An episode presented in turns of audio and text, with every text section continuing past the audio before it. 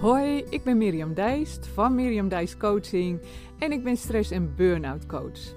En met deze Naar een lichter leven podcast neem ik je mee hoe je stress en spanningen helemaal kunt loslaten en je zo weer rustig, energiek en ontspannen gaat voelen, waardoor je veel meer van alles en iedereen in je omgeving kunt genieten en vooral ook van jezelf.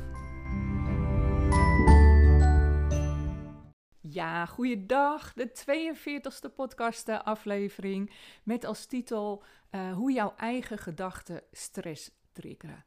En je hebt me vast in eerdere podcastafleveringen wel eens over uh, triggers horen vertellen. En als ik het dan over een trigger heb, dan bedoel ik daarmee een emotionele trigger. Nou, en ik uh, denk dat het handig is dat ik je even kort uitleg hoe zo'n emotionele trigger nou ontstaat. Uh, en dat is altijd ergens, die doe je dan op in een kind- of jeugdperiode. Nou, ze zeggen zo'n beetje tot een jaar of 18 à 19. Hè, dus in de periode daarvoor. En dat heeft ermee te maken dat dan door een bepaalde gebeurtenis of situatie jij een heftige emotie hebt gevoeld. En wel zo heftig, je was natuurlijk nog niet volwassen, dat dat nou bijna overweldigend aanvoelde. En en dat is een belangrijke voorwaarde, je die emotie ook niet hebt kunnen uiten, ja, dan gaat die ergens vastzitten in je lijf. dus ook belangrijk, het is niet alleen dat je die heftige emotie hebt gevoeld, maar daarna ook niet ja, er bijvoorbeeld met iemand over hebt kunnen praten of zo, wat je voelde of wat je meemaakte. Nou, en uh, het vastzetten in je lijf, dat betekent, we hebben allemaal energiebanen lopen door ons lichaam, dat die zich ergens vastzet op zo'n energiebaan. Je noemt dat ook wel meridianen. En dan kan je je voorstellen, als je veel van dat soort triggers hebt, dat dat gevolgen heeft voor je energiehuishouding. dan is je energielevel, uh, die wordt wat minder.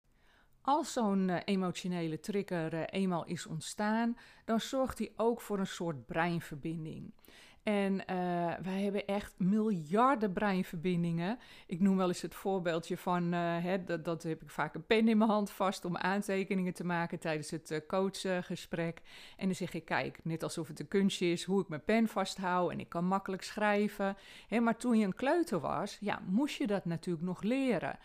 Dus ik heb een automatisch breinverbinding om die pen makkelijk te hanteren. Maar toen je een kleuter was, ga je die breinverbinding langzamerhand uh, aanmaken. Dan leer je dat, hoe je die pen vasthoudt, welke spieren je daarvoor moet gebruiken, hoe hard je op die pen moet drukken of niet, om goed en makkelijk te kunnen schrijven.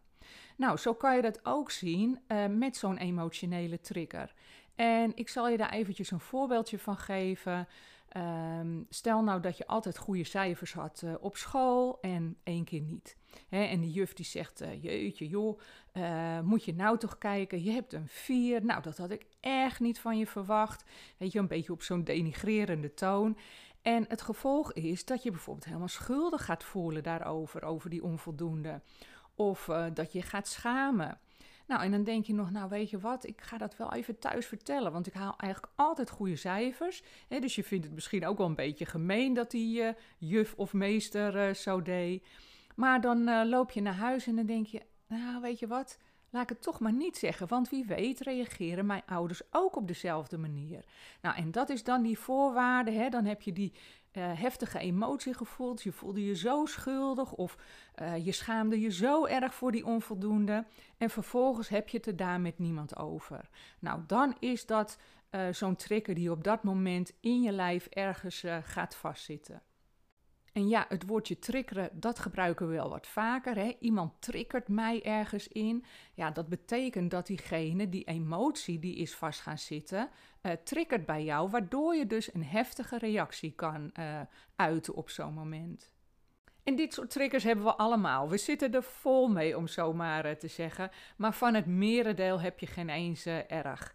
En ook is de ene trigger wat ernstiger dan de ander.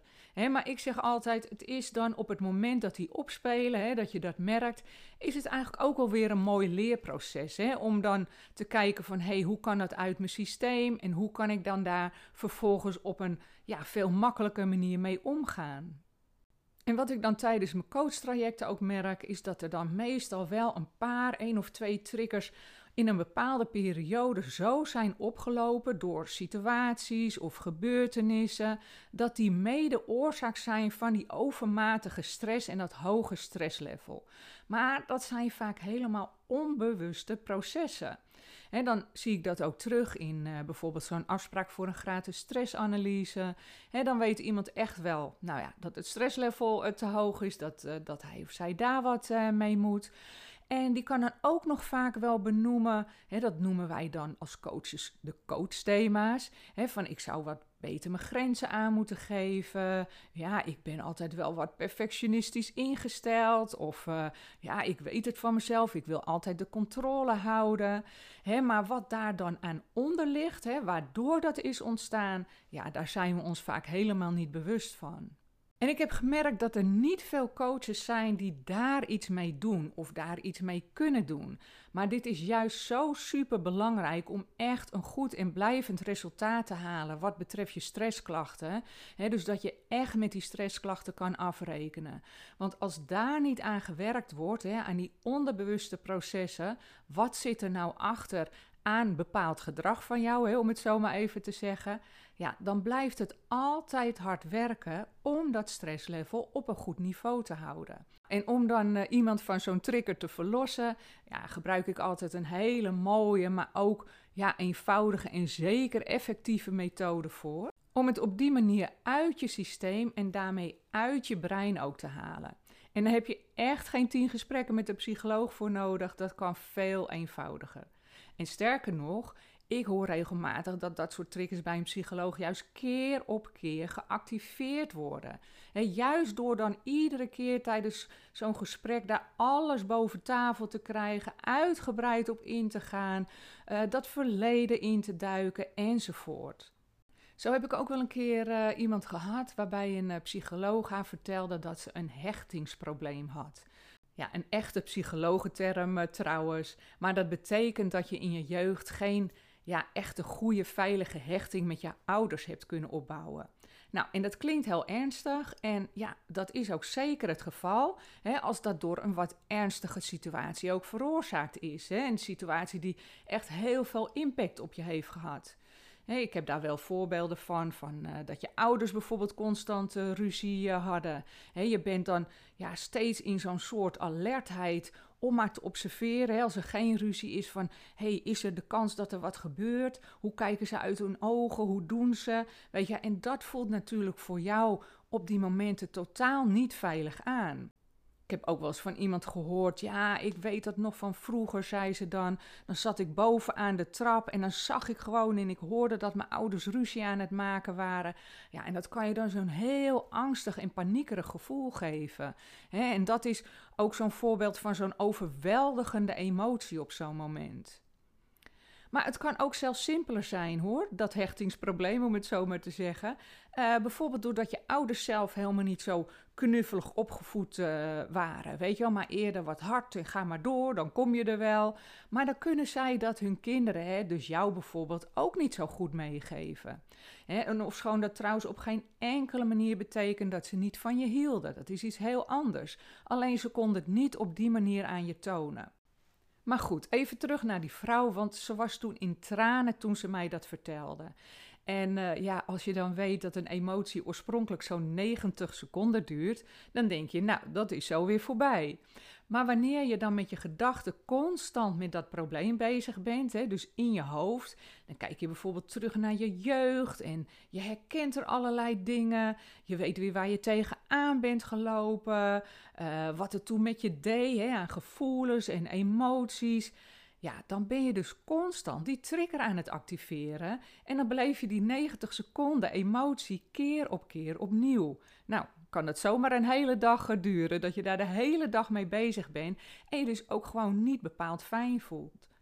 En dan zie je ook wat je op die manier met je gedachten kan veroorzaken. En zo kom je alleen maar in zo'n negatieve spiraal naar beneden terecht.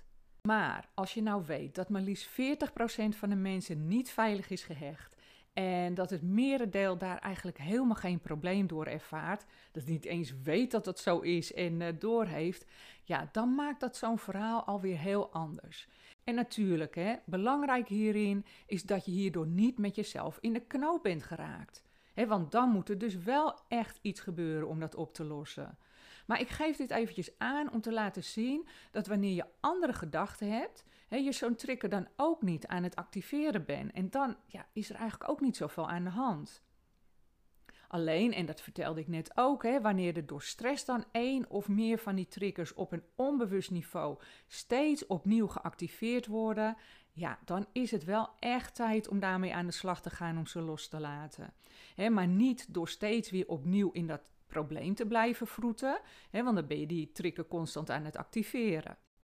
In mijn coachtrajecten ga ik dan ook veel meer uit van de huidige situatie hè, in plaats van het verleden.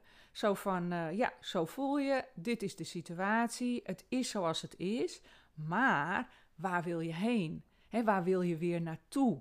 Wat wil je anders gaan doen? Uh, hoe wil je weer voelen? Wat wil je losgelaten hebben? dat allemaal aan het eind van het traject. En dan ben je ook veel meer gericht dus op dat resultaat wat je wil bereiken.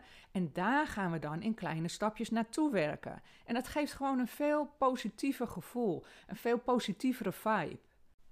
En dan op een gegeven moment, hè, wanneer het stresslevel lekker weer aan het dalen is en diegene zich weer veel meer eh, ontspannen kan voelen, de energie weer wat is toegenomen, ja, op zo'n moment is iemand klaar om dan samen met mij na te gaan wat er nou achter zo'n trigger zit. Hè, een van die triggers die onder andere voor het hoge stresslevel zorgde. En dan gaan we ook naar waar die gedachten vandaan komen die die trigger activeren.